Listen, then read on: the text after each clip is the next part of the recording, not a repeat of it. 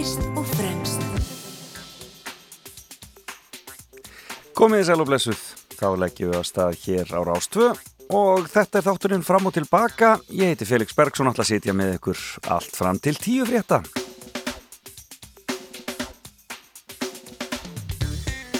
Já, og alltaf dásanlegt að vera með ykkur hér á lögadagsmotni. Var nú raunar í Portugal um síðustu helgi þannig að e, það var upptekinn þáttur e, og það var aðeins öðruvísi veðri þar heldur en hér á landin okkar bláa. Enda eru við náttúrulega tón okkur mikið norðar og það var ansi mikið slapp á göttunum í Reykjavík í morgun þegar ég lagði að staði vinnuna og svona e, podlar, stórir podlar og víð og dreif Þannig að endilega fariði varlega hvernig sem þið e, farið um, hvort sem það er með strætó á hjóli eða, eða e, á bíl. Það er svona, já það er svona, svona, svona váleg hálkan eða færðin í Reykjavík í auknarblikinu. En hins vegar dásanætt veður og dásanætt að, að, að kíkja eins út og hafa það hugulegt svona. Eins og vera bér. Það komið 7. november. Já, við erum komin inn í november og... E, fréttir eru uh, kunnulegar e, við erum aftur komin að staðin í blessa COVID en við tökum það saman eins og áður og nú er eins og einhver sagði mikilvægt að við kannski bara förum að taka svolítið ábyrð á þessu sjálf og sinna þessum einstaklingsbundnu sótt vörnum og nota hraðprófin, ég held að það sé svolítið sniðug leið, svona þegar maður er að fara að hitta fólk, að minnst líða betur að vera búin að taka svolítið próf áður um að fer í inn í hóp fólks E, og það er hægt að fara í próf út um allt núna sem er frábært. Að minnst okkur hér á höfuborgarsvæðinu e, og e, þau kostar vist ekki neitt þannig að enn maður gera að nýta þessa möguleika. En í þessum þætt í dag ætlum við að hafa það auðvitað til að ringja upp á Akranes og heyra hljóðið þar. Við hugsaum fallega til, til, til skagamanna sem að eru að berjast við heilmikla bilgi hjá sér og þar átt að halda tónlistarháttið um helgina. Eh, en hún verður í öðru formi og við ætlum að heyri henni hléti sér Sveinsdóttur hér og eftir. Eh, þau láta nú ekki deigan síga e, þar upp á Skaga. Og svo er það fimmann hún kemur tímin hún Hallamarkett Jóhannesdóttir leikona og kynningastjóri hjá listasafni Reykjavíkur og við ætlum aðeins að ræða fimmuna hennar og kynast henni aðeins nánar. Og mér sínist að fimmann hennar verði stór skemmtileg í dag. Fréttageturinn verður svo á sínum stað. Þá opna ég fyrir símanum hálf tíu leiti þá með þið ringi í mig og taka þátt í fréttageturinn Mér sýnist hún verði erfiðara lægi í dag en það verður bara komið ljós og hvort að þið klárið þetta. Það er, e, það er einhver skemmtilegir vinningar sem ég luma á. Ég held ég í svona allsken svona bara svona góðmeti til þess að luma að ykkur. Og svo langar mig að spila hér og eftir nýtt lag sem að e, Marja Ólafs var að senda frá sér í, í, í saminu við hann Einar Örn Jónsson e, úr hljónstin í svörstum fötum. Og það er Það er mjög vel gert hjá þeim og ég ætla að segja ykkur betur aðeins frá því og eftir og svona tilur textans og svo leiðis. En lagdagsins, ég reynir vel að finna eitthvað svona sem að heyrist kannski ekki mjög oft, er svona kannski aðeins uh, búið að hverfa í, í gleimskunar dá en á það ekki skilið. Hljómsveitin Eldfuglin tók þátt í landslægin árið 1991 og uh, þar var skemmtilegt lag sem heitir Dansaðu við mig. Það er að rifja það upp. Hérna er uh, Kalli, eh, Kalli Örvars í brotifylkingar. Það er svona suður-amersk stefning í þessu. Landslæði 1991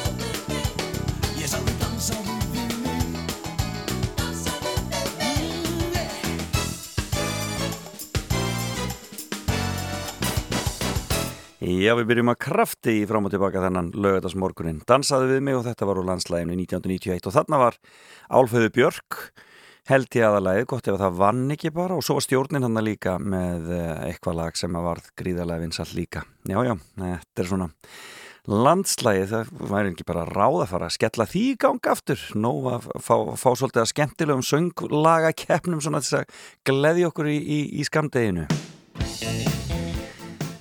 En við ætlum að fara að rappa saman við Halla Margret Jóhannesdóttir og um, byrjum þetta á að hlusta á Steve Miller Band hið gamla góða Abracadabra og það tengist því sem við ætlum að ræða hér og eftir.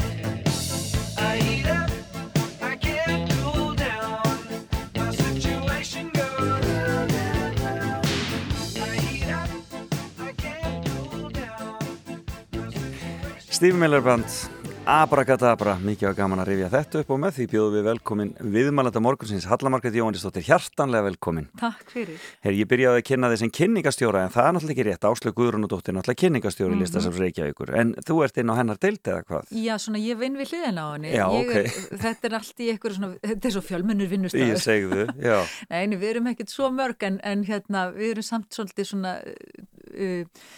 Já skiptum á millokverkefnum og ég er verkefnastjóri í, í fræðslu og miðlun já, sem já, þýðir að ég er svona að gera og græja viðburði, ég er að skipulegja heimsóknir, alls konar hópa til okkar og, og hérna Og það ánú við leikonuna að vera Já. að skapa svona í svoleiðis Já, það er alveg ferlega skemmtilegt Já. að bæði að sko bæði að uh, búa til sko frá, frá grunni eitthvað Mhm. og líka svo að mæta í rauninni áhorfendum að hitta fólk á gólfinu ég hitti alls konar hópa uh, hérna, ég hitti fólk sem er með Alzheimer Já. ég hitti hérna skólahópa ég hitti frábært fólk úr hlutverkarsetrinu klúpnum geysi, ljósinu alls konar sérst, hópar sem að koma til okkar Já, og svo er akkurat. þetta bara fullt af starfsmannahópum sem að hérna, koma til okkar þegar þeir eru að fara kannski eitthvað, eru með starfstag eða er að fara út á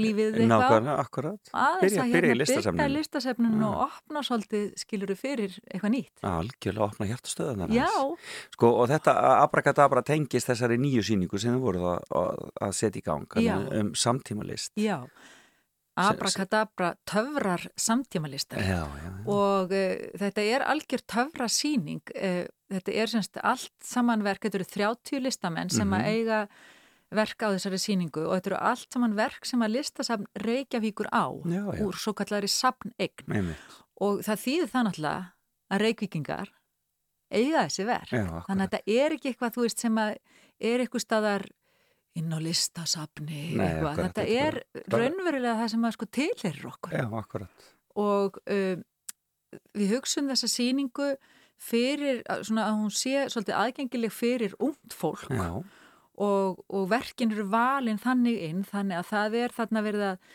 skýrskota til alls konar, samf, alls konar hluta í samfélaginu og það er náttúran er tekin fyrir og, og, og hérna, sjálfið og, og líkaminn og þannig að hérna, það sem að listamannir er að pæla sko. Og þannig að þetta eru svona viðfangsefni sem að, sem að höfða til, já allra en, en sérstaklega kannski til ungs fólks. Já, og, og hérna, þannig að við erum að við erum að hitta ungt fólk og gefa því einhvern veginn svona tækifæri á að, að verða, já, njóta þessara listar og, og, og það sem við gerum er að, að við erum einhvers konar brú þarna á milli og, og, og það er svo stórkostlegt að, að verða vittni að því, kannski segjum einhver sem að hefur aldrei komið inn á listasafn og, og maður gefur kannski bara nokkra likla Já. í leiðsögn inn að einhverju verki og, og, og vegna þess að kannski þegar þú kemur fyrst þá bara, ha, byrju, hvað er nú þetta? já, akkurat. Uh, ha, hvað er ég? Hva, hvað er þetta hérna fyrir fram að mig? Og svo, svo gefur maður eitthvað bara pínu lítið og þá bara finnum maður hvernig bara öll verundin bara, hún opnast hjá viðkomandi og bara, aha Já, og fólk fær svona svolítið svona kikk Já, það er svona þetta þegar kviknar á perunni einhvern veginn. Það, það perunni. moment. Já, og það eru töfrar líka. Það er dásalegt. Þannig að þetta er ekki bara töfrar, sko, skilur í listarinnar, heldur líka töfrarnir í að upplifa. Já, akkurat. Að þú, þú verður, þú finnur fyrir eitthvað svona, það, þetta verður töfrastund. Já, ná, ná sambandi einhvern veginn. Það er Já. eitthvað, eitthvað samband sem myndast. Já, þú nær sambandi við, veginn við verkið Já, og um leið og þú nær sambandi við þetta verk sem að hefur verið skapað, Já. það sem að ég held að gerist allavega, að þú, þú tengir við þinn eigin sköpunarkraft. já. Og þegar þinn eigin sköpunarkraftur fyrir á stað, þá kviknar perinni. Nákvæmlega. Því þú bara svona, já, það, það fer eitthvað í gang. Já, þetta er, þetta er örfandi, þetta er svona inspirerandi, þetta er einhver sem að, já, Já, set, setur, já. setur heila stöðunar, heila sælutnar í gang. Nákvæmlega. En stundum ef þetta er eins og ég segi, þú stundum er maður bara, og ég viðkynni það alveg, ég hef alveg verið þarna fyrir framann verk og, eða inn í verkið, þetta er nú ekki allt saman einhver tvífið verk, aldrei ekki, við erum þarna með verk til dæmis eftir hana Hrafnhildi Arnardóttur Sjóplifter Já, sem heitir Kromosóm og það, þú ferð inn í það nákvæmlega. og þannig að þú ert inn í sko litlum loðhelli og, og, og það er hérna þannig að En, en ég ætla, að, það sem ég ætla að segja, ég hef, ég hef samt alveg sko, stand, staðið anspennisverki að verið inn í verki og ég bara, byrju, hvað er þetta? Já. Og, en ég er í þeirri kannski aðstöða, ég get svona leita með smá upplýsingar, já, og jafnvel að maður hefur talað við listamann, bara já, ymmit, og þá bara fer maður einhvern veginn að halda með verkinu, þetta er svona svo fókbaltaliðum hans. bara, ó, þetta er frábært, ég verða að segja öllum heiminum frá þessu. Hefur alltaf verið svona áköf þegar það kemur á listum og, og, hérna, og sköpun fráðið út lítil stelpa? Já, ég var svo sem að hérna, rétti upp hönd þegar að sagði hver vill leika leikrit á föstu Já, daginn. einmitt. Já, ég, ég var Þú alveg varst þar alveg bara frá byrjun. Já, og ég bara rétti upp hönd áður ég vissi hvað ég ætlaði að gera. Er- ég geri það stundum ennþá. Já, akkurat, algjörlega. Já. Ég er svona, já, Allæg. já. Þarna ertu af listafólki komin. Uh, já, ég, ve- já, ég, ég er bara skapandi fólki komið, Já. sko, pappi minn var uh, lofskitamaður Já. en hann var líka harmonikuleikari Mm. Jói P, Já. nikkari og hérna hann uh, talandi um færð sko, þú veist, þá, þá kerði hann eh, yfir hellisheiði þið veit, þú veist, á lögadagskvöldum til að halda ball eitthvað starf í Árnesi og, og svo heim með skafta Ólas, skafti Ólasa með honum, hann spilaði með frikka te og fleirum sko og hérna, og, og alls konar svona sögur, þú veist, að, að hérna með með hausin út um gluggan að reyna að sjá næstu stíku og eitthvað svona hérna hér, og, og var, hérna, já, spilaði þetta alltaf mikið á, á böllum já, já, já. Þannig að það, það og hérna, Fjöxtu ykkur tíðan að fara með? ég söng á jólaböllum með honum Já. já, þannig að ég hérna Frá því út bara lítil stelpa já, þegar ég er lítil stelpa þá hérna, þá fekk ég stundum að fara með og hérna og standi á sviði og syngi í mikrofón En skemmtilegt. Þannig að það fengið svona forsmekkin. og En- það er mitt líka sko, já, ég bara, já, það er mitt lærði ég að þekka alvöru og plat jólasvinna Í það var bara svoleiðis. já, Ef við svona fara að valja í alla slíkar umræður hér á, já, á þessari alþjóð á þessari, á, á svona, svona, já, en hvað, hvernig, þú voru að segja það á sögu samt, hvernig gerist það? Já, ég bara man eftir að ég, hérna uh, þeir, voru, þeir eru mjög misjaflega skemmtilegir jólasvinnandi Nákvæmlega. en ég man til dæmis eftir einhvern þegar ég er bara eitthvað sex ára að þá er pappi að spila við sig, hann átt að spila við að það vátt að kveikja á jólatrénu uh, í Hafnafyrði og, og ég var auðvitað bara í áhörfundahópnum þá og, og svo eru komni jólasveinar upp á svið og einn er með harmoniku Já. og ég bara, hvað er að gera í stífölunum hans pappa? það var svoleiðis. Það var eitt til dæmis. Plati jólasveit. Já, var ekki, eða bara, já, ég þetta setti á stað miklar vangaveltur. Heyrðu en fimma þín. Við verðum Heyrðu- að fara að skella okkur að staði í hana. Sko, Og það eru sko, það er svolítið spes. nei, er, er það? Ég, ég meina þessi, þessi hefur minn skusti aldrei komið áður. Nei, sko, ég hugsaði bara, jú, ég ætla að segja eitt fyrst, já, það er af hverju ég valdi þetta. Já, Að því ég fór um daginn uh, með vinkona mínu, þá letum við lesa fyrir okkur í tarotspil. já, Já, og hérna, og það leita bara allt, björt spil og Já. allt svo leiðis, mjög skemmtilegt, en já. það sem að, svo sem las, hún sagði, Halla, þetta er allt bara alveg frábært og, og gengur vel, en það er eitt sem ég sé að þú mátt gera meira, þú, þú mátt fagna meira. já. Og ég bara, já, ok, hann er búið að vera svolítið með mér. Þannig að ég ákvaði að velja fimm fögn. Fimm fögn. Þetta er, þetta er náttúrulega, þetta er náttúrulega eintölu orð sem að þarna, er þetta komið í fleirtölu. Já, alveg svo gagn og gögn. Já, og við, erum, nákvæmlega. við notum rosa mikið gögn, en Já, hérna, ég heldur mig um nota meira orðið fögn. Ég, ekki Já. spurning. Það ertu búin að eiga mörg fögn í dag. og það er kannski svolítið þannig að ég svona hugsaði tilbaka, ég, ég er ekkit svona, ég er ekki þessi júhú veginn, en, en mér finnst það samt rosalega gaman og þegar það hefur gerst í mínu lífi þá ég alveg, já, ég tók hérna fimm fögn. Heyrðu, hvað er fyrsta fagn? Heyrðu, fyrsta fagnið er þegar ég er í, ég er nefnilega íþróttakennari líka já. og hérna þegar ég var í íþróttakennarskólan þá þurfti ég að taka A-stig, þjálfarastig eitthvað í fótbolta Já. og þá þurfti maður að halda á bolta, halda bolta á lofti fimm sinnum. Ok, Ok, og það var ekki mín deild nei. og, en ég, og hérna, ég man samt alveg þegar ég sko náði að halda bolta á lofti fimm sinnum Já.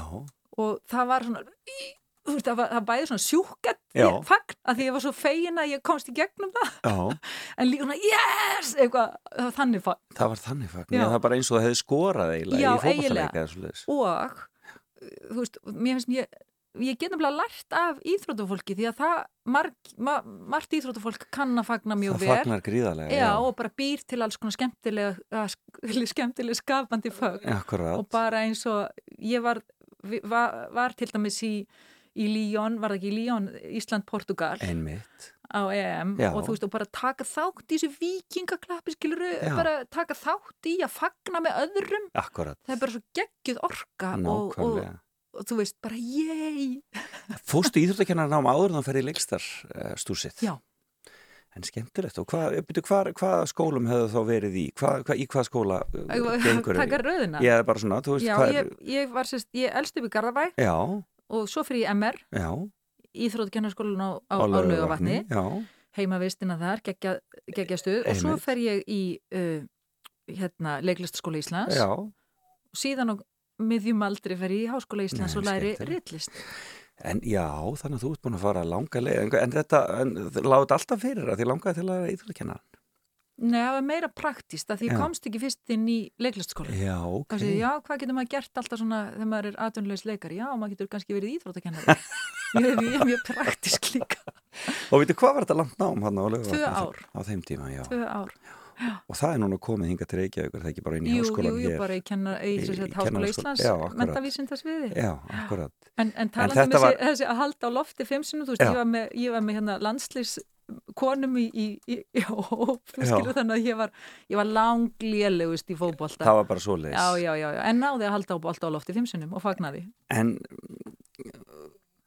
en þú veist, þetta, þetta er þetta skrítin krafa að þú náir ekki prófunum um að þú náir að halda bólta á lofti þetta er bara svona eitt af því, ég minn og ég er bara metnað full, ég vil skor, ég vil ná í öllum þáttum, skilur þetta er bara þetta.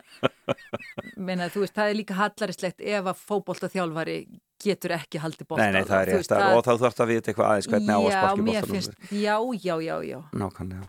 En þarna, varstu í íþróttum þá áður eða svo leiðis? Nei, ekki, ég var aðeins í handbólta, dreymdum að fara í fimmleika. Já uh, og hérna, já og bara mér skaman að reyfa mig. Já, einmitt. Já, ég, en það var mikið íþróttastarfís í Garðabænum að það ekki Já, það er, það er, jú, stjarnan er auðvitað komin og, og en, en það var til dæmis ekki byrjað að æfa fimmleika, við Nei. fengum að, að því við áttum svo flott íþróttahús og þá æfði Björk úr hafnafyrði á laugadagsmotnum þannig ég vakna alltaf átt á laugadagsmotnum til að fara á fimmleika einu sinni viku. Ok.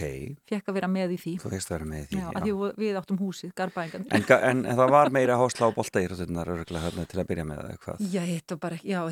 Það það komið, það var gerpla í Kópavogi og, og, og Björk í, í Hafnafjörði. Já, en var gott að alast upp í Garðabæ?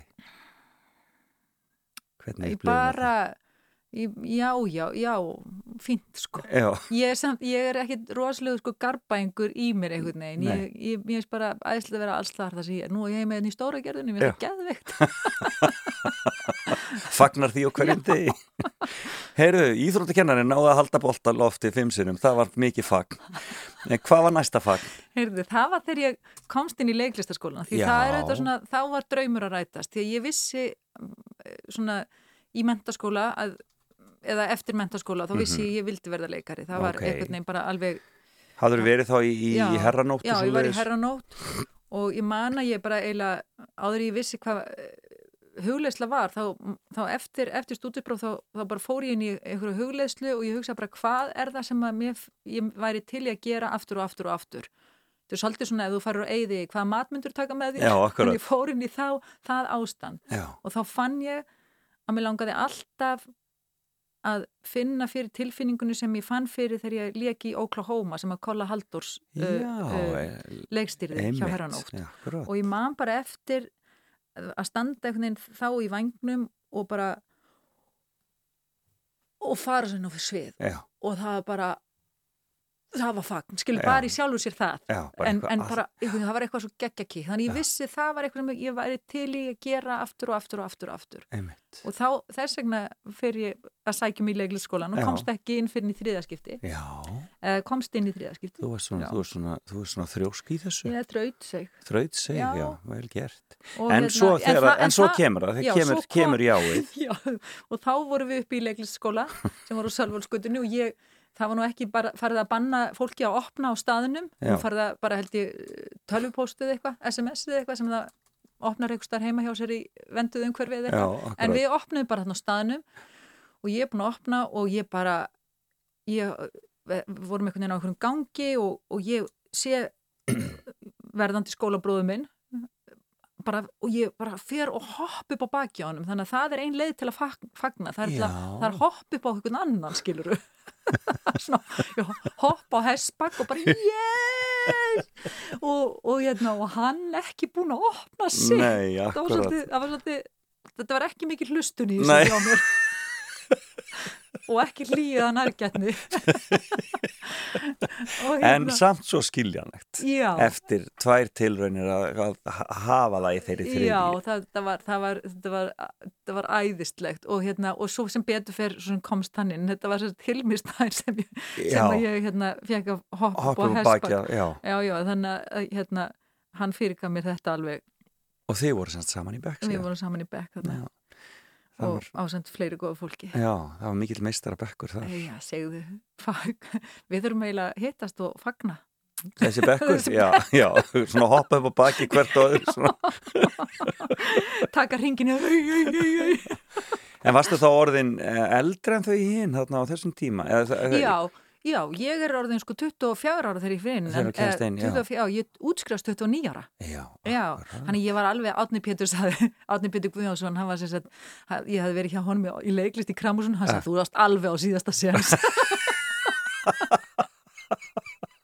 Hann var ekki vanur að skafa utan að ég blessaður. Nei, nei, en það var kannski líka bara rétt hjá honum og ég, og þá þurfti ég svolítið líka bara, það var allt eða eiginlega ekkert þá, Nei, eins og bara að var anna, þetta var annarkort eða dæmi. Dásanlegt, þú hefur notið lífsins í skólanum og, og já, því þetta, sem eftir tók. Já, þetta var bara rosalega góður skóli og að því að til dæmis bara eins og í mínu starfi sem ég er í dag að það er náttúrulega leiklistanám er bara á bæði einhvern veginn á, á dýftina og líka í, í einhverju skipulagi þannig að maður er tilbúin að takast á við svo fjöldþættar hluti eins og þú veist Felix. Nákvæmlega, þetta er skemmtilegt. Heyrðu, þriðja fagn heyrðu, þriðja fagnir e, það var eiginlega ég, semst, fór, já, svo fór ég í, í, í háskólan og, og lærði rillist og, og þá hérna sótt ég um listamannalaun. E, eftir ég útskrifaðist hérna og, og, þegar ég fekk listamannalaun, það er fagn. Já. þá var ég semst, þá þá hafði ég ráðið mig sem sundkennara upp í yngunarskóla og ég var stött í hérna, lítillir svona íþróttakennara skrifstofu sem eru ekki kannski flottustu skrifstofunar alltaf í skólunum en var stött þarna, hún var samt alveg fín, en ég var stött þarna einin í þessi skrifstofu og ég er eitthvað að vinna í tölvpóstun og svo sé ég fæ tölvupóst og ég er bara einhvern veginn opna og ég sé að ég þið, veist, þannig kemur já þú hefur fengið listamannlunum í þrjá mánuði og já. þá man ég bara ég bara stóði upp úr stólnum og ég var einan skrifstofunni og ég bara hoppaði svona um allt það var bara svona, það var þau viðbröð það var fagnir þá já.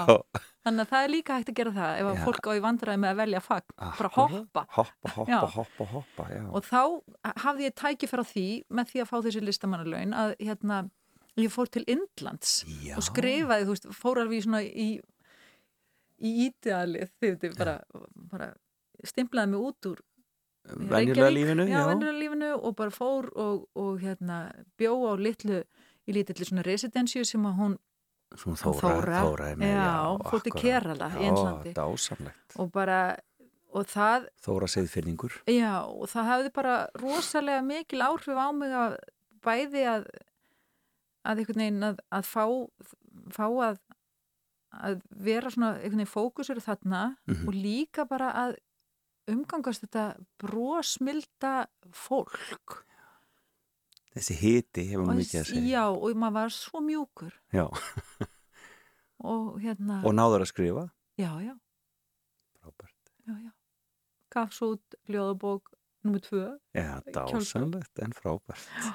Já. þannig að þetta hefur verið góður tími. Já þetta var indislegt algjörlega indislegt og líka bara þú veist þetta var svo mikið líka svo mikið lúksus bara að mæta í morgun Já, perfætt Ó já, hér er morgumatur Sveipum sér um lakinu og, og, og, hana, og tölta í morgumat ég er já, er er og, og svo er náttúrulega fóri líka á Ari og vetist heilsuhæli og þú veist, í, já, já, já ég, og nutt næstu því á hverjum degi. Tókst allar pakkan bara. Já, já, já, já, auðvitað.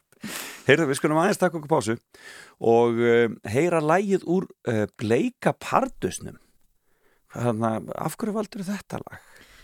Þetta, sko, við notuðum svolítið að þessari tónlist í, í þegar við, ég var í nefndaleikursunu í, í hérna Draumi á Jónsmessunótt. Einmitt, þeir eru frábæri síningu Já, og hérna, en núna ætlum við að hlusta á það í svolítið svolítið öðru, Ek, ekki, ekki það útgáfið. Nei, þetta er Brynildur Guðjónsdóttir, mm -hmm. borgarleikurstjóri. Hún gaf út plötu þarna þegar hún var sem vinsælust í kringum, í kringum Edith Piaf uppsetninguna Já. og það er þetta lag og það heitir Meglios da Sera.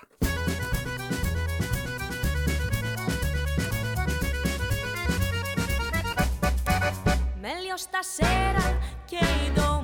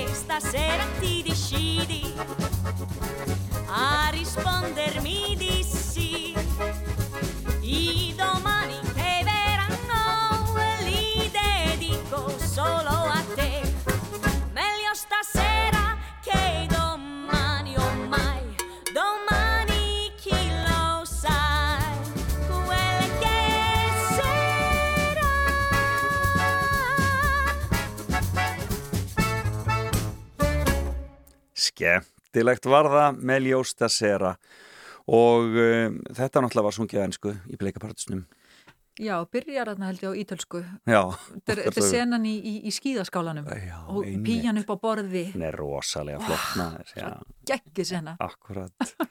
Halla Margrét Jóhannesdóttir situr hér hjá mér og er farið gegnum fimmuna sína sem eru fimm fögn. Er alltaf að fyndi að segja þetta. En það er sem sagt fimm, á, á, fimm uh, andartök þar sem fagnað var og, uh, uh, og við erum búin að tala um það þegar íþróttakennarin náði prófi með því að halda bolta á lofti fimm sinnum. Mhm. Íþ, verðandi íþróttakennarin. Já, já, ekki, þetta er að við virkar eins og þetta sé að hafa verið eina, Já. en þetta var eitt tikk í bóksi. eitt tekibóksið í því og þegar að hún komst inn í leikastanám og fagnaði með því að hoppa á bak Hilmi Snæs og sundkennarin í yngunaskóla fagnaði því að fá listamannulegin með því að hoppa um alla skrifstofuna en hvert er fjórða fagnið, Hallamargrið? Það er mjög nýtt. Nú er það það er bara nýtt. síðan á fimmtudaginn. Það er bara svoleiðis. Já, heyrðu, málið er að ég hérna, það er svo fyndið að mann langar alltaf að gera, það dúkku upp svona gamli draumar og, og maður, maður er komin um miðjan aldur og bara, Einmitt. já, heyrðu, já, eftir að gera þetta, best að drífi því. Já. Þannig að núna er ég í ballett Já, og ég er í ballett í kramhúsinu og þar sem maður er bara sem sagt, ballett fyrir framhald að þá neittist ég til að skrá mig í það en ég hef náttúrulega aldrei verið í ballett. Þannig að ég er mjög svona, mjög, uh, það virkar stundum eins og ég byð líkamannum að gera eitthvað, já, eins og að réttu rist eða flexa eða eitthvað. einmitt, en hann getur það ekki. En, nei, hann heyrir ekki. Nei. Hann heyrir ekki skilabúðin og meir sér stundum bara ringi ég bara, halló, vil ég gera svolítið, það, það er flex núna og það bara, du, du, du, það bara ekkert að frétta þannig, þannig ég er, það er mjög svona hægar tengingar Já. en þær er að fara í gang Ok, og á fimmtudaginn að þá hérna þá vorum við að gera svona hoppæfingu já, og ég, mér minnir að hún heiti sko, það er Isja Pei Isja Pei, yfir í fjóruðu eitthvað da da da. Og, og ég bara, og svo allt í hennu þá náði ég henni þú veist, ég gerði hann ekkert eitthvað geðvitt flott, en Já. ég náði henni og það bara, úhú í miðum ballettíma eina fagn út á gólfi Já, en þá var ég, ég búin að fá áminninguna Já. og þetta er að fagna meira. Já. en ég leifði mig bara í miðum ballettíma að fagna. Payinu. Já, Isja Payinu, þú náðir Isja Payinu og ákvast að fagna bara í miðum ballettíma. Öðrum töruklættu mikillar ánægi Ég veit það ekki. Nei, En, hérna, en wúhú er rosa gott fagn. Það er gott fagn. Vúhú er, er frábært bara, wúhú Já, bara eitt lítið, svona eitt svona kröftugt Já, lítið, lítið kröftugt pent Já, í ballettíma þetta er frábært. Heyrðu, ballett, já, það er að þú, þú, er, þú stekkur alltaf út í djúbulegina Já, þetta er sumum rundu kallar þetta fíbldir sko. Já, En ég sagði líka, hef sagt við ballettkennaran að hérna, ég, veist, þetta, þetta er kannski fyrir ofan mína getu það sem verið Mhm. er að gera þarna. En ég hef sagt bara, ég, hérna, ég hangi bara með og ég skal bara passa sjálf að slasa mikið. já, akkurat. Þannig að hérna, en þetta er, þetta er ótrúlega magnað bæðið sko að setja þessar tengingar í hausnum í gang Akkurat. niður í líkamann og Já. samhæfingin og svo bara, svo er ég, leikarinn kemur upp, mér finnst ég bara að vera ballerína. Þannig að þú leikur ballerununa Já, bara, og le- meira sér að þú veist, þegar ég hoppa þá bara finnst mér bara fæturni fara bara alveg í sundur en þeir fara kannski bara svona rétt frá gólfi Já, þeir eða eitthvað. akkurat og, og fóturinn á að vera eitthvað upp í loft en, og ég bara, ég bara sé hann fyrir mér þar er meira svona, Þú fer í slow motion svona í höfðinu bara svona já, hæ- ég bara sé það fyrir mér Já, frábært, ég dásanlegt ég er í ímyndunar ferðalagi í hausnum á mér á meðan Dásanlegt En ertu eitthvað að leika þessa dagana? Hefur eitthvað verið að leika upp á síkastið? e, ég hef aðeins fengið að leika svona í bíó og sjónvarpi Já. ég var til dæmis átti núna dag með þeim í venjulegu fólki Já, með Völu Kristínu. Já, það er var mjög skemmtilegt og í fyrra ég í ég var í Sistrabönd Já, einmitt. Þeir eru frábæri serið já, og svo var ég í stuttmynd sem heitir Frenjan og svo var ég í verbúð. Já, sem er að ég, koma sem og er ég nú held ég að byrja- við verið að vinna verðin bara í gær. Já, þeir eru þú og þú bara ert að vinna Já, ég og, og krakkanir í verbúðinu Já, þið, já, það var mjög skemmtilegt. Já, það er mikið verkefni og mikið spennandi að sjá hvernig það kemur. já, ég hlakka rosalega mikið til. Já, er það ekki bara um áramótin eða um jólun og áramótin? Jú, ég held að segja jóla. Jóladæmið hér Já. hjá okkur á rúf. Spennandi, spennandi, spennandi. Og mér finnst rosa gaman. Ég, menna, ég elska það alveg ennþá að, að leika. Já, og finnst þetta, og jú, og svo, jú, og svo náttúrulega halló, ég var náttúrulega sviði í Þískalandi núna um daginn. Já, einmitt. Já, já, og það var, það var svona tengdist svona verkefni frá því fyrir 25 árum síðan. Já, 27 árum síðan. Já, já, og það er bara sami hópur kom aftur saman. Ég hluti af honum og, en gerði sagt nýja síningu með króatíska leikstjóranum Nötu Kokotovic. Og hvað voru þið lengi úti? ég var núna, ég semst æfði í sumar í Berlín í einhverja tíu daga eða viku tíu daga. Mm og svo, og svo, og svo var ég bara úti svo var eftir bara í viku og þetta var bara mjög rætt en verkið var líka þannig, þetta voru sem sagt, þetta heit Acht Poems for Unna -hmm. og þetta voru sem sagt átta leikonur og þannig að við vorum í rauninni í sikkur í sennu, þetta voru sem svo átta litlir, litlir mónalókar einmitt. Já. Sem að, leik, sem að áhörundinu svo ferðuðust á milli. Og þetta var svona í svona óheðbundu rými svolítið. Já, yfirgefinni bruggvæsmiðu sem að er, það er í rúr hér að í, í Þýskalandi. Já, já, er bruggvæsmiða sem að hitt Lindenbraueræ og núna menningamiðstöð og ljósa sapn sem sagt lýsingasapn líkt músium niður í þessum bruggkjallara Já. þar sem að ljósa hönniður og listamenn uh, eru með uh, innsetningar. Og til dæmis Já. stort verk þarna eftir Ólaf Eliasson En skemmt Já, mæli með þessu að fólk er á, á, á ferðum rúrgi vít. Já, akkurat. En þarna leku við sem sagt í rauninni fengum eh, nokkur rými inn í þessu ljósasafni.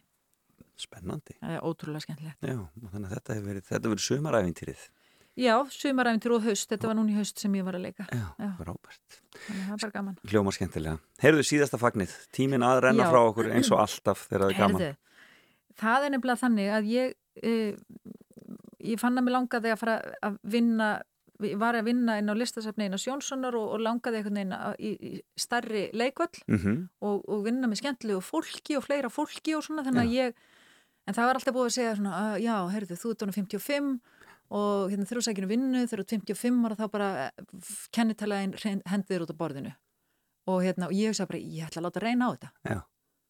Og ég á búin alveg, þú veist, ég var alveg, já, ok, mér langar í svona vinnu, svo bara, já, heyrðu, hérna er hún. Já.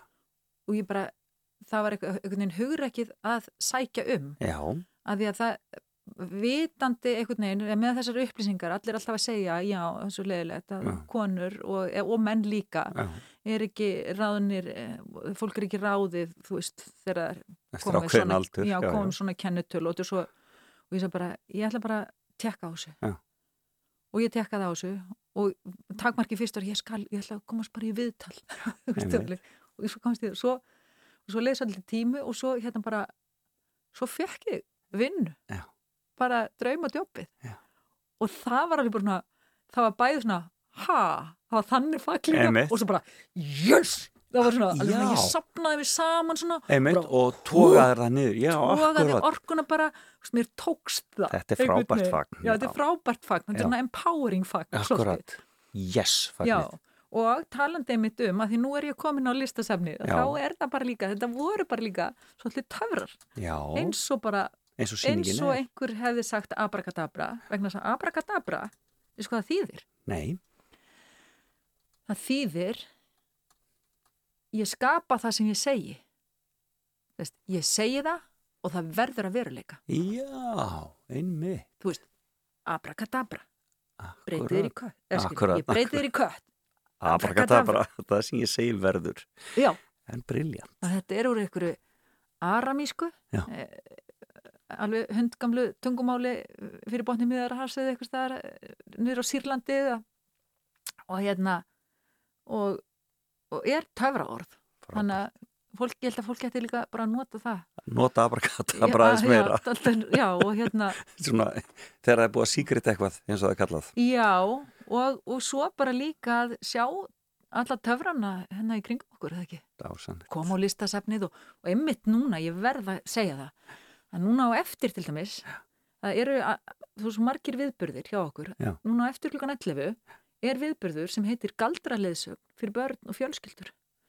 Þannig að þú veist, ef einhver er að hlusta Já. og bara að hvað er að gera í slappinu, þið veitir, skell ykkur og bara fariði með krakkana og, ég, og ykkur sjálf. Já, í galdra leðsögn í galdra leðsögn í listasab Reykjavíkur Hafnarhús Dásanlegt og, og njóti töfra samtímalistarinnar. Frábært, Halla Margrit þetta var gaman að fá þig til mín og hérna, takk fyrir þessi skemmtilegu fimm þögn, þetta var dásanlegt Takk fyrir að bjóða mér. Úhú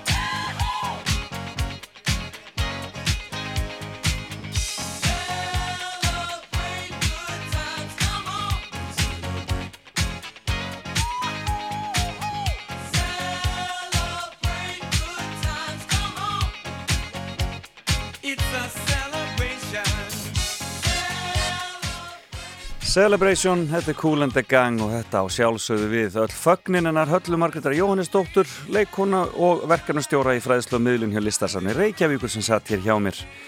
Gaman að heyra af öllum fögnunum hennar og ráða hvetja fólk að fara í Listasafni Þapnarhús og sjá þar síningunum samtíma listina. Abrakadabra. Góðan daginn Ísland, fram og tilbaka ára ástvö.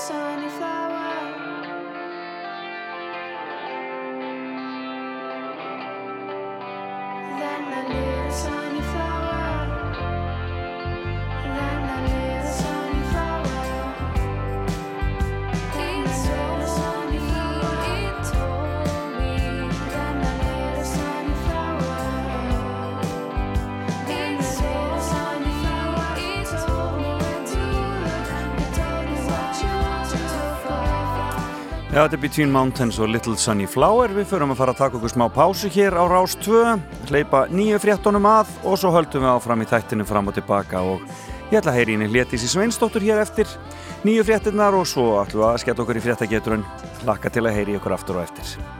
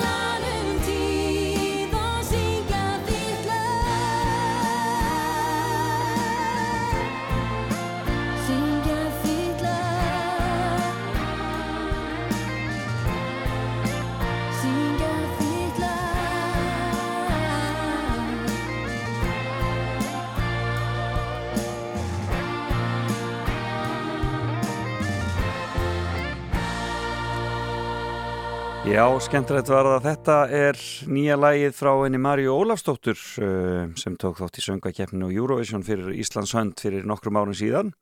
En hún hefur gengið til þess við Einar Örn Jónsson, uh, hljómbásleikara úr hljónstinn í svörtum fötum og þau uh, eru duettinn Löður. Og þetta er þeirra fyrsta lag, þér fylgja englar heitir það og og var bara að koma út núna í vikunni og gaman að heyra þetta og uh, fullt af frábærum tónlistumannum að vinna þarna með þeim. Gunnarlega Pálsson á trómur, Fririk Sturluson á bassa og Davíð Sigurgesson á gítar.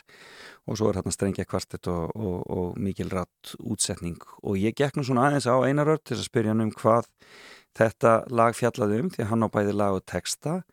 Og hann segir uh, að, að lægi fjallum það þegar ástunum hann fyllast einhvers konar samfæringu sjá ljósið með þeim hætti það held tekur huga þeirra og þetta getur ótt við fíkn eða söpnuð eða samfélag, oft er sannfæringin slíka viðkomandi svífa um að missa tengsli raunveruleikan og um leið sína nánustu. Og hann sagði að þessi teksti hefði verið undir miklum áhrifum af bókinni Sindafallið eftir Mikael Torfason Já, það er oft uh, djúft á þessum fínu textum sem við fáum hér í íslenskum dægulugum. En þetta lag og öruglega eftir að heyrast mikið á næstinni. Þér fylgja englar og skallum aðstandundum minni allir hamingju með þetta.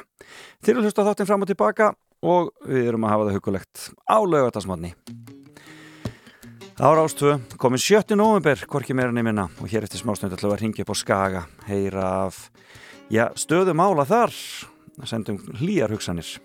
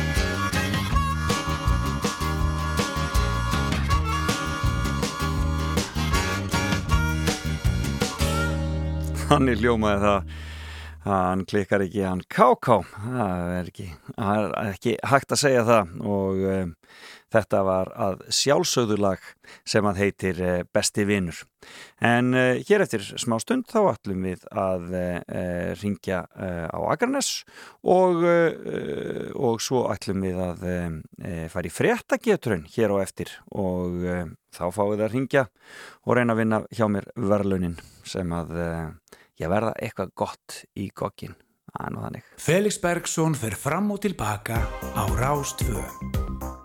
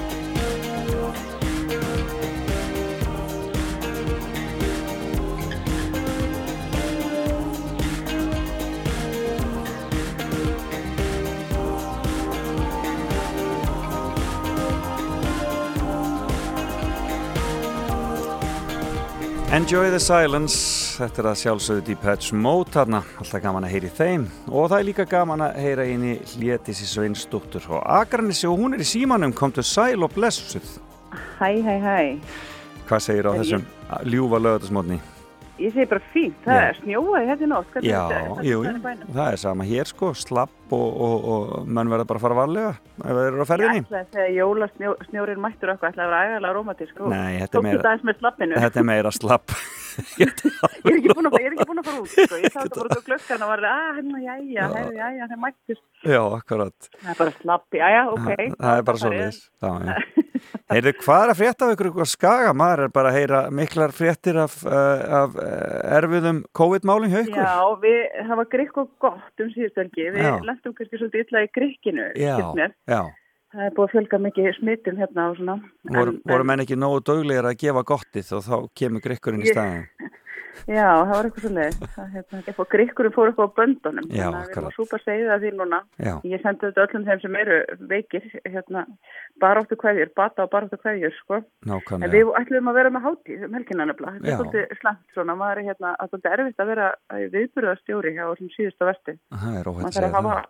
að að. Það að Maður þarf að það. maður aðeins að leggja rekti aðru leysi.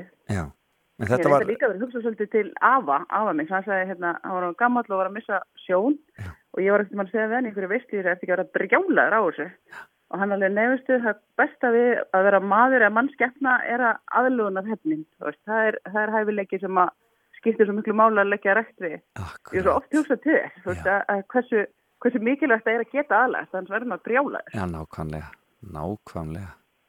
Algjörlega og, það, og núna er það bara, það, það er bara staðan ykkar, það þarf bara að, það Já, þarf við bara ætlum sem sagt að vera með heimaskaga, Já. ætlum að vera með 16 tónleika núna í dag Já. og ægilegt fyrir og ótrúlega gaman. Við vorum með þetta 2019 og, og hérna gekk ótrúlega vel, vel tekið þetta seldist upp og var bara ótrúlega skemmtilegt. Já, og þetta er Þannig svona, að þetta er svona, þetta er svona Já. tónleikar inn í stofu hjá fólki og, og hérna, Já, heimaskagi heitir Já. þetta. þetta var, eða, semst, við reynda lögum upp með að vera á svona stærri stöðum líka núna með Einmitt. kirkjuna, með blikksmiði, með bíóhöll og, og, Já. og það var helmingurinn semst í heimahúsum og helmingurinn, þannig að fólk hafi getað valið svolítið svona út af ástandinu. nákvæmlega, heldum að við kæmust upp með að halda þetta en, en það var ekki Nei. en við, þá er aðlunarhefnin sem að kemur svo sterkinn að, hérna, að við ætlum að breyta þessu í heimastreimi Já. heimaskagi verður að heimastreimi í ár ok, og það er blikksmiða guðmyndar sem kemur stertinn og ætlar að halda tónleikana Ok. og við streymum þeim beint á YouTube. Já, á, og það er náttúrulega ekki bara fyrir skagamenn heldur bara alla þjóðina. Nei, nákvæmlega. alla þá sem vilja. Já, hvar sem þeir eru í heiminum í rauninni. Nákvæmlega, þannig að fólk getur þá bara tekið, tekið þátt í því og sendt ykkur um leið eh, á skaganum hérna, baróttu kveðjur. Já, finna Mm. þetta bara undir heima og svo hérna stryk, skagi. Já, og, hérna, og það er Andra Gilva og Eddi Lár. Eddi Lár er af Akranessi og, og bróðina svann alltaf tíð í blikksmiðu guðmyndar já, já. Og hann Bjartmar okkar sem ætla að- spila fyrir okkur. Hann ég, er líka af skaganum eða ekki?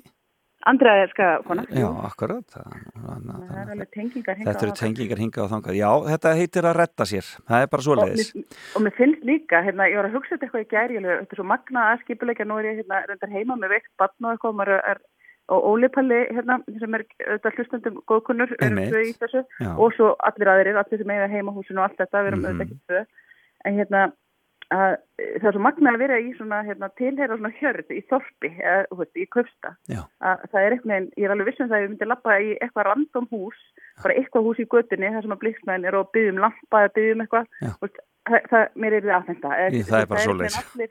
Já, þú veist, ég var að hugsa, ég alveg, að væri þetta hægt eitthvað annars þar með svona stuttum fyrirvara, það sem er bara frekar auðvelt að framkoma því allir, já, ætlu að gera þetta, heyrðu, hvað get ég komið með? Já, 25 metra netsnúru, já, ég kem með þetta, þú veist, alveg, það er eitthvað alveg, þannig að þetta er hérna, það, það er bara, við langar að senda þakkir fyrir hversu vel fólk tekur í þetta og það er mjög auðvelt að vera með breytingastjórnin á svona, í svona, í það allir dásanlegt. Dásanlegt og það er bara, já, það er bara Það er bara, já, það er bara dásanlegt að, að samfélagi standi saman um þetta. Já, en Nákvæmlega þetta eins og það frestast var. auðvitað, við ætlum að byrja hérna í, við byrjum klukkan 21 í blikksmiðunni, ok. eða þetta er send út, þannig að þetta er svona svolítið hérna seint, það fólk næri svo eftir helga til dæmis, ef, að, ef, að, hérna, ef það er í banastuði eftir helga, þá tekur það, getur það tekið þetta líka. Þannig að það ætti yngum að leiða, hvort sem að það getur verið út eða inni. Og svo eh, hafið þið líka gefið út að miðarnir gildi eftir ár ef menn vilja bara geima miðana til 22 Já, og mér skildist að fólk ætli bara að gera það. Já, svona, þeir sem voru búin að kaupa sér á og- tix.is Já. það sé hægt að geima bara miðana Já, já, við höldum þetta aftur sko, ekki spurning. Og það er- það er annars- það er annars sem ég teki eftir að fólk er ótrúlega duglegt, eða bara ótrúlega mikið stu- stuðningur í því að fólk skilar ekki miðun þegar listamenn neyðast til þess að, að, að eh, fresta tónleikum heldur bara að býða, fólk býður bara rólegt þangað til að hægt er að fara sem að hjálpar okkur viðbyrður höldurunum upp á að þurfa ekki að sko, borga tvisvar af sölu miða. nákvæmlega, nákvæmlega Það kom mér pínu óvart eða sem sagt, hérna, já, ég var alveg, já, ok, ef allir taka miðan út, að þá þurfum við að greiða að tjólu verið uppætt, sko, í umbóðssölu og svo aftur þá þegar við náum að halda þetta. Þannig að það er alveg, ég, þak, ég þakka þeim sem geima miðan. Akkurat, það er, hérna,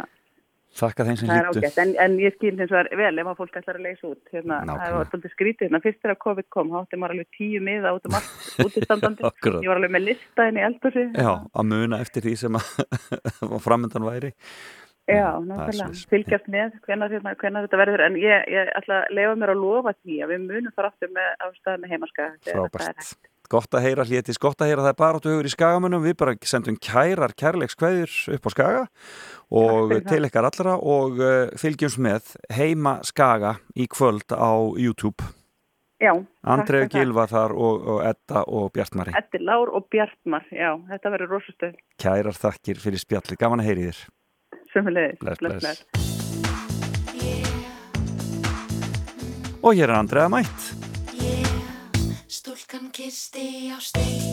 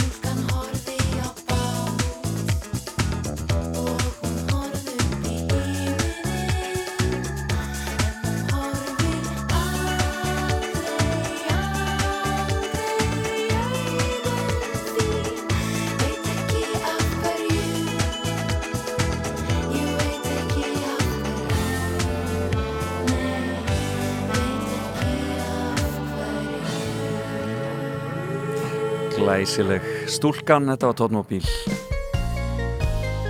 Já, við erum búin að vera að spila fullt af flottum konum hér á Rástöðu í morgun. Millir 7-8 var fullt af eh, eh, uh, uh, tónlistakonum í gangi og hefur ekki bara haldað því aðeins áfram? Hér er hljómsnefn flott.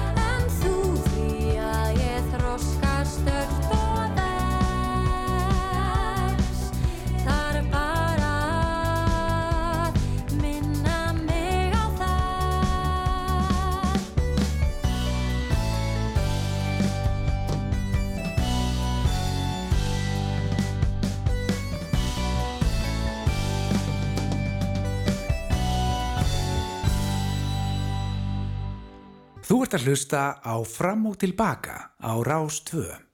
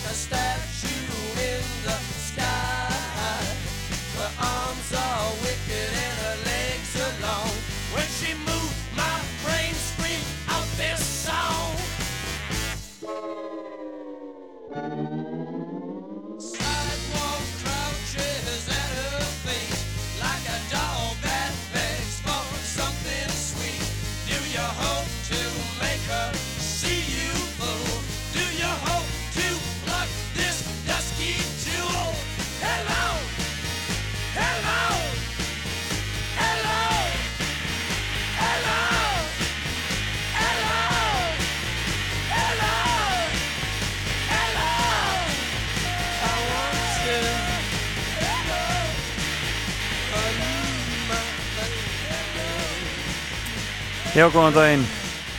Góðan daginn, mér tekir óskaplega væntum þig sunguðu Dors Og ekki veitir af. Það kom að frétta getraun og nú meði byrja að ringja símin 5687123 5687123 Verðlaunin Pilsa og kók og ís frá Jójó. Og gerið þið betur. Þið getur byrjað að ringja 5687123 og um, ég sýnist nú að hún sé svona í erfiðara lagi í dag fréttageturinnin en við sjáum til, við sjáum til. Það eru menn eru ansi lungnir hérna úti. Og uh, ég vissum að margir bara halda sig heima þessa dagana svona í ljósi nýjastu COVID-frétta. Og þá er ágætt að ringja til okkar hér á Rástöður reyna að vinna velunin og taka þátt í fréttageturinn. 5687123 Það er ekki allar línur farnar að loga þannig ég ætla að býða örlítið viðbútt á meðan fleiri ringja og já, nú er það komið. Nú er það komið, nú logar allt sko og við skulum heyri fyrsta. Góðan daginn! Já, góðan daginn. Hvaðan ert þú að ringja? Reykjavík. Þú ringir Reykjavíkinni í slappin okkar hér fyrir sunnan. Hlutunni, já, já. Já. Heyrðu, þá skulum við bara vend okkur í þetta. Verlauna ljósmynd Írisa Lilju Jóhannsdóttur nefnda í fjölbreytti Ármúla er til sínis á loftslagsar ráðstefnu saminuðu þjóðana. Myndin vann til verlaun í ljósmyndasamkeppni um áhrif loftslagsvárinnar. En hvað er á myndinni?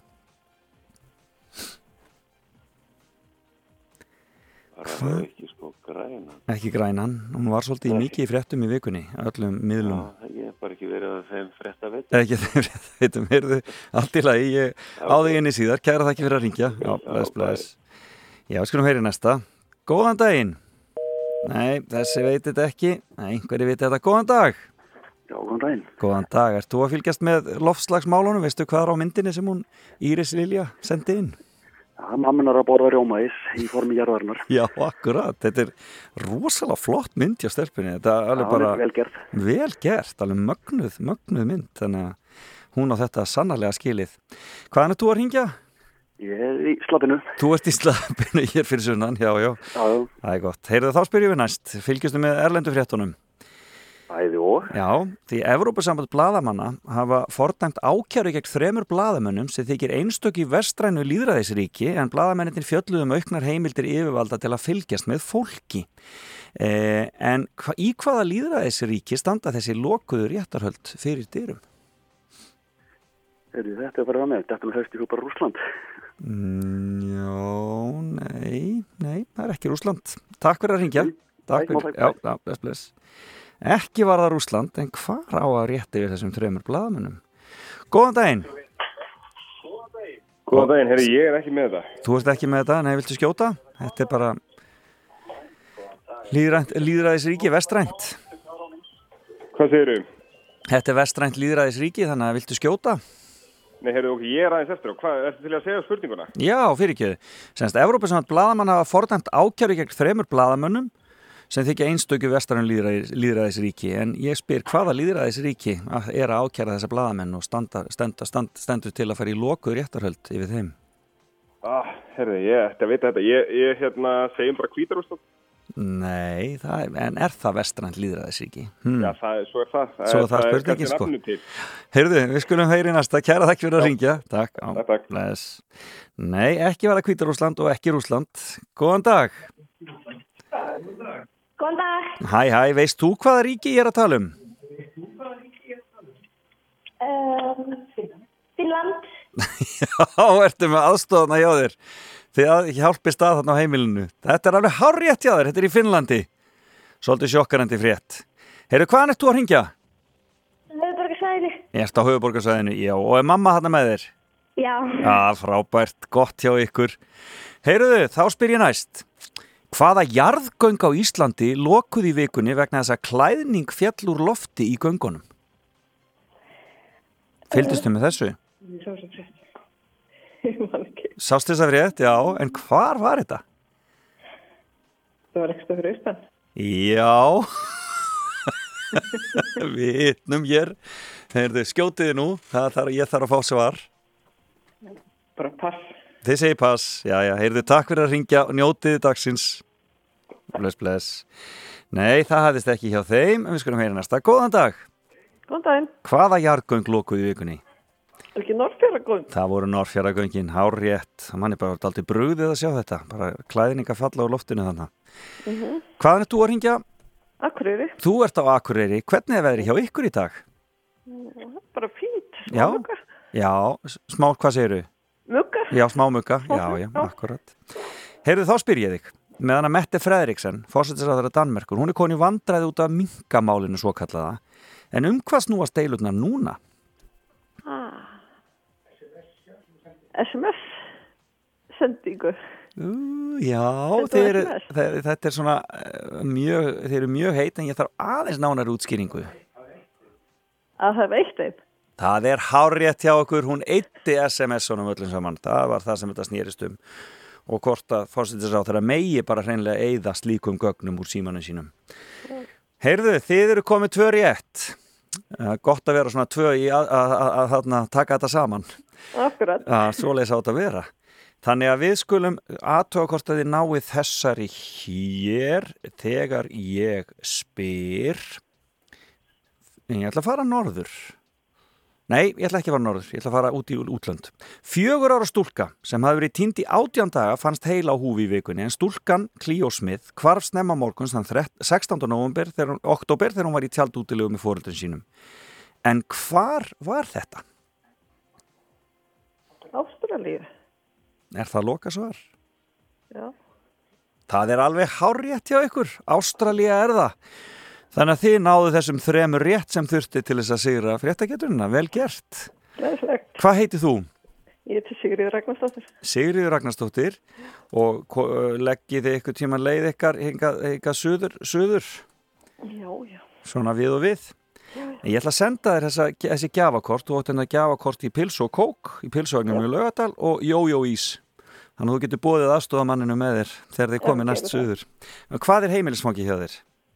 Sómatún 39. Sómatún 39 og það er, uh, er það 600? Já. Já. Heyrðu, gaman að heyri ykkur fyrir norðan og að helsa kæra þakki fyrir að taka þátt í geturinn. Takk. Og þakk ykkur öllum sem ringduð og reynduð að taka þátt en það var hún Sigriður Ragnarsdóttir fyrir norðan sem hafði það í dag. Og hér er nýja lagiðinar Adele, beint honni þetta. Easy on me heitir það og svo getum við farið að láta okkur hlaka til. Morgunkaffið með Gísla Martin og Björgu er hér eftir tíu fréttinnar. no gold in this river that I've been washing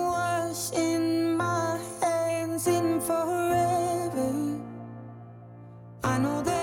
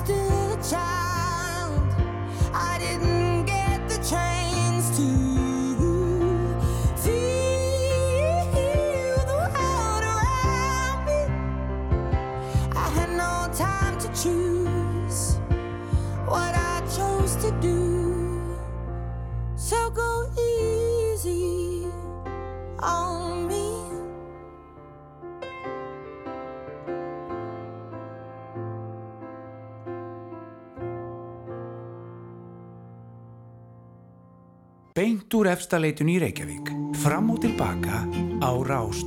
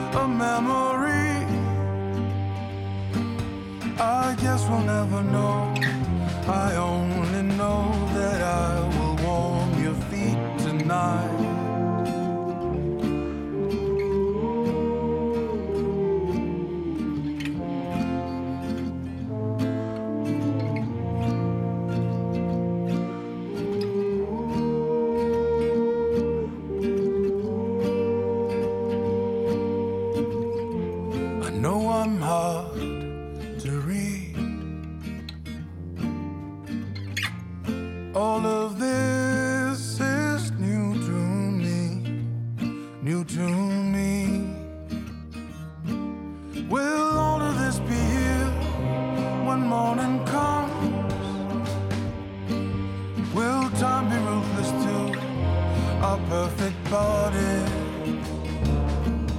Are we bound to be a memory? I guess we'll never know. I only know that I will warm your feet tonight.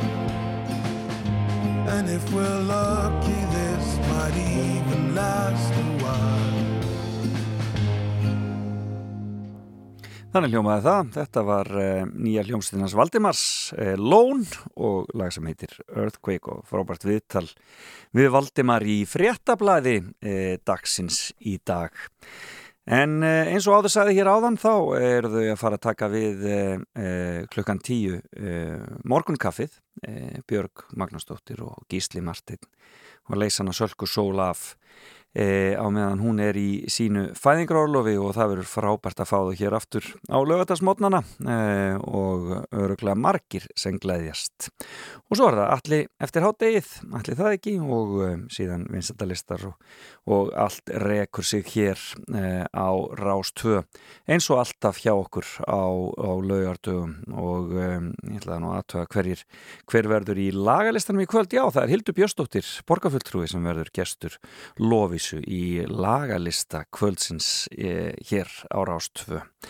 En það er líka frábært viðtal við hann Damon Albarn í Greipvæn og ef við ekki að fá eitt gamalt og gott með honum.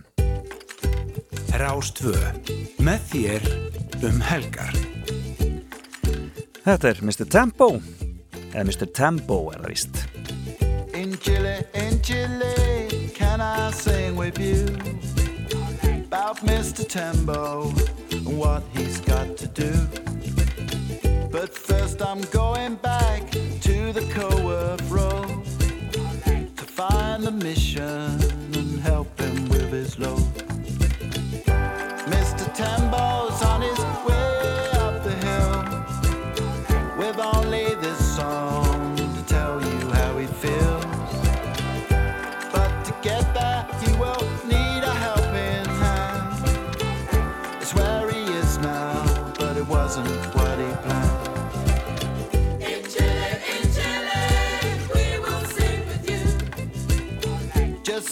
TV in Mr. Tembo's room.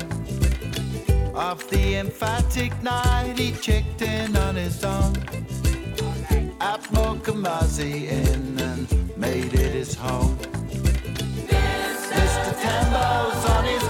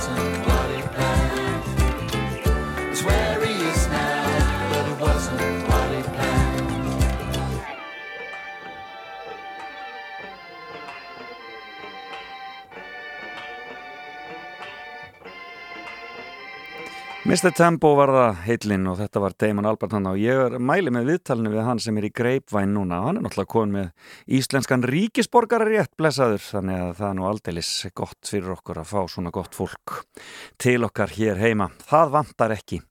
En góð kona á ammæli í dag. Það er engin önnur en Margret Blöndal sem á 60 ammæli í dag og við óskum henni innilega til hamingi með stóra ammælið Eh, Það má, með sanni segja, ég sakna hennar mikið hér alla daga. Eh, Það var miklu meira gaman að vera Bergsson og Blöldan heldur bara að vera einn hérna í fram og tilbaka. En svona eh, týnist nú tíminn og eh, ég sendi henni kæra kveðju eh, á Selfoss og í öllum þeim frábæru verkefnum sem hún er að vinna í þar og vonandi náum við saman í einhverju skemmtilegu fljótlega aftur. En sendi henni síðasta lagið þættinum í dag til hamingi með ammælið Magga Blöndal og þakka ykkur öllum fyrir að hlusta. Ég verð hér aftur til viku. Gísli Martin og Björg taka við. Bless, bless.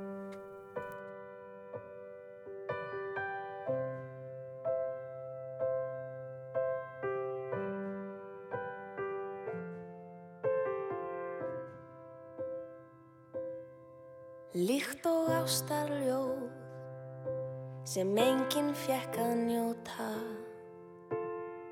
Eins og gulnað blað sem geymir óræð orð. Eins og gömul hefð sem búið er að brjóta. Þar er ég, þar er þú, þar er allt það sem ástin Þannig týnist tíminn.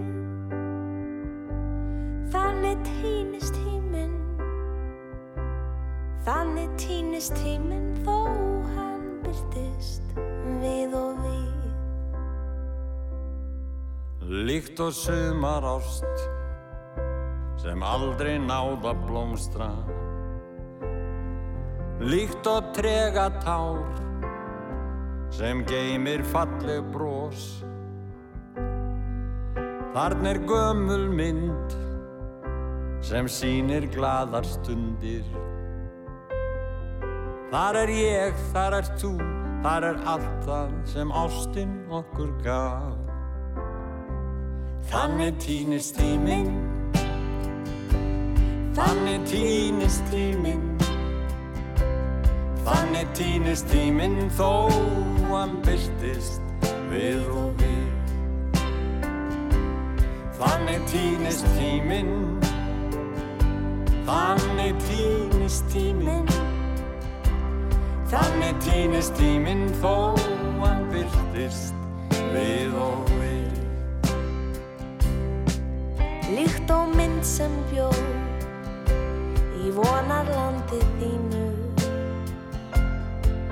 Eins og æsku þrá sem lifnar við og við Býr þar sektar kend sem ennþá nær að særa.